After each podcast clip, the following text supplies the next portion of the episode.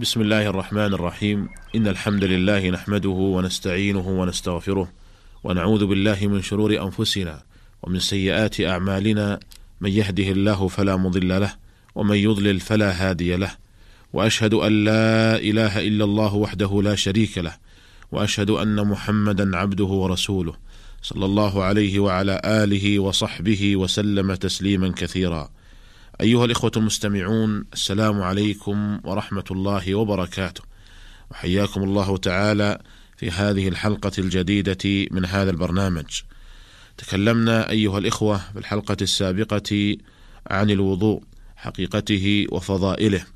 ونستكمل الحديث في هذه الحلقة فنتحدث عن شروط الوضوء وفروضه. أيها الإخوة المستمعون يقول الله عز وجل يا أيها الذين آمنوا إذا قمتم إلى الصلاة فاغسلوا وجوهكم وأيديكم إلى المرافق وامسحوا برؤوسكم وأرجلكم إلى الكعبين. فهذه الآية الكريمة أوجبت الوضوء للصلاة وبينت الأعضاء التي يجب غسلها أو مسحها في الوضوء وحددت مواقع الوضوء منها. ثم بين النبي صلى الله عليه وسلم صفة الوضوء بقوله وبفعله بيانا كافيا. أيها الإخوة، والوضوء له شروط وفروض وسنن، فالشروط والفروض لا بد منها حسب الإمكان ليكون الوضوء صحيحا، وأما السنن فهي مكملات الوضوء وفيها أجر وثواب، وتركها لا يمنع من صحة الوضوء. فالشروط هي الإسلام والعقل والتمييز والنية، فلا يصح الوضوء من كافر ولا من مجنون ولا من طفل صغير لا يميز ولا ممن لم ينوي الوضوء كأن ينوي تبردا مثلا أو غسل أعضاءه ليزيل عنها وسخا أو نحو ذلك. ويشترط للوضوء أيضا أن يكون الماء طهورا فإن كان نجسا لم يجزئه. وسبق أن تكلمنا عن تفاصيل ذلك في حلقات سابقة. ويشترط للوضوء كذلك إزالة ما يمنع وصول الماء إلى الجلد. فلا بد للمتوضئ أن يزيل ما على أعضاء الوضوء من شمع أو طين أو عجين أو وسخ متراكم أو أصباغ سميكة ونحو ذلك وذلك ليجري الماء على جلد العضو مباشرة من غير حائل. وقد رأى النبي صلى الله عليه وسلم رجلا وفي ظهر قدمه قدر الدرهم لم يصبها الماء. فأمره أن يعيد الوضوء والصلاة. رواه أبو داود بهذا اللفظ وهو حديث صحيح. وننبه هنا على أن بعض النساء تضع طلاء على أظافرها للزينة. وهذا الطلاء لا بد من إزالته عند الوضوء لأنه يمنع من وصول الماء إلى الأظافر. وبناء على ذلك نقول يتعين على المرأة أن تزيل هذا الطلاء على الأظافر وإلا لما صح وضوءها. أيها الإخوة، وبعد أن بينا شروط الوضوء ننتقل للحديث عن فروض الوضوء.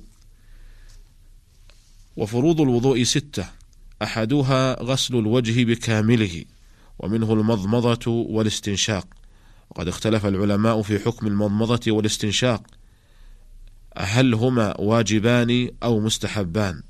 والقول الصحيح الذي عليه المحققون من أهل العلم أنهما واجبان لدخولهما في مسمى الوجه المأمور بغسله في آية الوضوء ولأمر النبي صلى الله عليه وسلم بهما وليس هناك صارف يصرف هذا الأمر من الوجوب إلى الندب ففي حديث لقيط بن صبرة إذا توضأت فمضمض أخرجه أصحاب السنن. وفي حديث أبي هريرة إذا توضأ أحدكم فليجعل في أنفه ماء ثم لينتثر متفق عليه.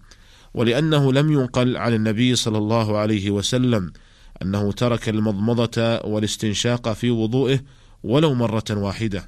قال ابن القيم رحمه الله لم يتوضأ صلى الله عليه وسلم إلا تمضمض واستنشق ولم يحفظ عنه أنه أخل به مرة واحدة. الثاني غسل اليدين مع المرفقين لقول الله تعالى وأيديكم إلى المرافق. أي مع المرافق. وقد فسر النبي صلى الله عليه وسلم الآية بفعله فكان عليه الصلاة والسلام إذا غسل يديه فإنه يغسل يديه حتى يشرع في العضد مما يدل على دخول المرفقين في المغسول. الثالث مسح الرأس كله ومنه الأذنان. لقول الله تعالى وامسحوا برؤوسكم وقال النبي صلى الله عليه وسلم الأذنان من الرأس رواه ابن ماجه والدار قطني وغيرهما وهو حديث حسن أو صحيح بشواهده. والرابع غسل الرجلين مع الكعبين لقول الله تعالى وأرجلكم إلى الكعبين وإلى في الآية بمعنى مع. وقد فسر ذلك النبي صلى الله عليه وسلم. فكان إذا توضأ غسل رجله حتى يشرع في الساق. والخامس الترتيب بأن يغسل الوجه أولا ثم اليدين ثم يمسح الرأس ثم يغسل رجليه. لقول الله تعالى يا أيها الذين آمنوا إذا قمتم إلى الصلاة فاغسلوا وجوهكم وأيديكم إلى المرافق وامسحوا برؤوسكم وأرجلكم إلى الكعبين. ووجه الدلالة من الآية على وجوب الترتيب أن الله تعالى أدخل ممسوحا وهو الرأس بين مغسولين وهما اليدان والرجلان والعرب لا تفعل ذلك في لغتها إلا لفائدة أي أنها لا تدخل ممسوحا بين مغسولين إلا لفائدة والفائدة هنا هو هي وجوب الترتيب ولو كان الترتيب غير واجب لقال اغسلوا وجوهكم وأيديكم وأرجلكم وامسحوا برؤوسكم. ثم إن النبي صلى الله عليه وسلم لم ينقل عنه أنه توضأ إلا مرتبا. السادس الموالاة وهي أن يكون غسل الأعضاء المذكورة متواليا بحيث لا يفصل بين غسل عضو وغسل العضو الذي قبله بل يتابع غسل الأعضاء الواحد تلو الآخر حسب الإمكان. وضابط الموالاة هو ألا يؤخر غسل العضو حتى ينشف العضو الذي قبله في الزمن المعتدل. وإنما قلنا في الزمن المعتدل احترازا من وقت شدة الحر أو برودته. وقد اختلف الفقهاء رحمهم الله في الموالاة فذهب بعضهم إلى الوجوب وهذا هو المشهور من مذهب الحنابلة. وذهب آخرون إلى أن الموالاة مستحبة غير واجبة وإلى هذا ذهب الحنفية والشافعية. وذهب المالكية إلى أنها واجبة إلا إذا تركها لعذر. وهذا قد اخت... هذا القول قد اختاره شيخ الإسلام ابن تيمية رحمه الله وذكر أنه قول وسط بين القولين. وقال إن أدلة الوجوب إنما تتناول المفرط ولا تتناول العاجز عن الموالاة كما في صيام الشهرين المتتابعين. فإن من صام شهرين متتابعين وقطع الصوم لعذر كأن تكون امرأة قطعت الصوم لأجل الحيض فإنه لا ينقطع التتابع. وكذلك الموالاة والطواف وكذلك الموالاة في الطواف وفي السعي أيضا. والدليل الذي استدل به الحنابلة على وجوب الموالاة هو الحديث السابق وهو حديث أنس رضي الله عنه أن النبي صلى الله عليه وسلم رأى رجلا وفي ظهر قدمه قدر الدرهم لم يصبها الماء فأمره أن يعيد الوضوء والصلاة. وسبق أن قلنا إنه حديث صحيح رواه أبو داود وغيره. وهذا الحديث يدل دلالة ظاهرة على وجوب الموالاة إذ أن الموالاة لو لم تكن واجبة لأمره النبي صلى الله عليه وسلم بأن يغسل الموضع الذي تركه ولم يصبه الماء خاصة أنه يسير وليس كثيرا فهو فقط قدر الدرهم. ومع ذلك أمره النبي صلى الله عليه وسلم بأن يعيد الوضوء والصلاة. وهذا يدل دلالة ظاهرة على وجوب الموالاه. ولكن استثناء المالكية لما إذا ترك الموالاة لعذر فإنه يعذر بذلك. قول متجه تدل له الأصول والقواعد الشرعية. وقد اختلف العلماء في التسمية في ابتداء الوضوء. هل هي واجبة أو أنها مستحبة؟ وهي عند جميع العلماء مشروعة ولا ينبغي تركها ولكن العلماء قد اختلفوا في حكمها. هل هي واجبة أو أنها مستحبة؟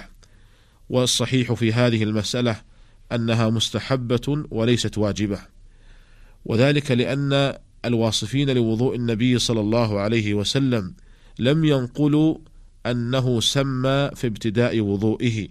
ولو كانت التسمية واجبة لسمى النبي صلى الله عليه وسلم ولرفع صوته بها ولنقل ذلك الواصفون لصفة وضوئه صلى الله عليه وسلم. وبناء على ذلك نقول إن حديث لا وضوء لمن لم يذكر اسم الله عليه لو صح هذا الحديث فالمراد لا وضوء كامل جمعا بين هذا الحديث وبين الأحاديث الأخرى التي فيها وصف وضوء النبي صلى الله عليه وسلم والتي لم ينقل فيها أنه عليه الصلاة والسلام سمى في أول الوضوء. أيها الإخوة المستمعون نكتفي بهذا القدر في هذه الحلقة ونستكمل الحديث عن بقية مسائل وأحكام الوضوء في الحلقة القادمة إن شاء الله تعالى. والسلام عليكم ورحمة الله وبركاته.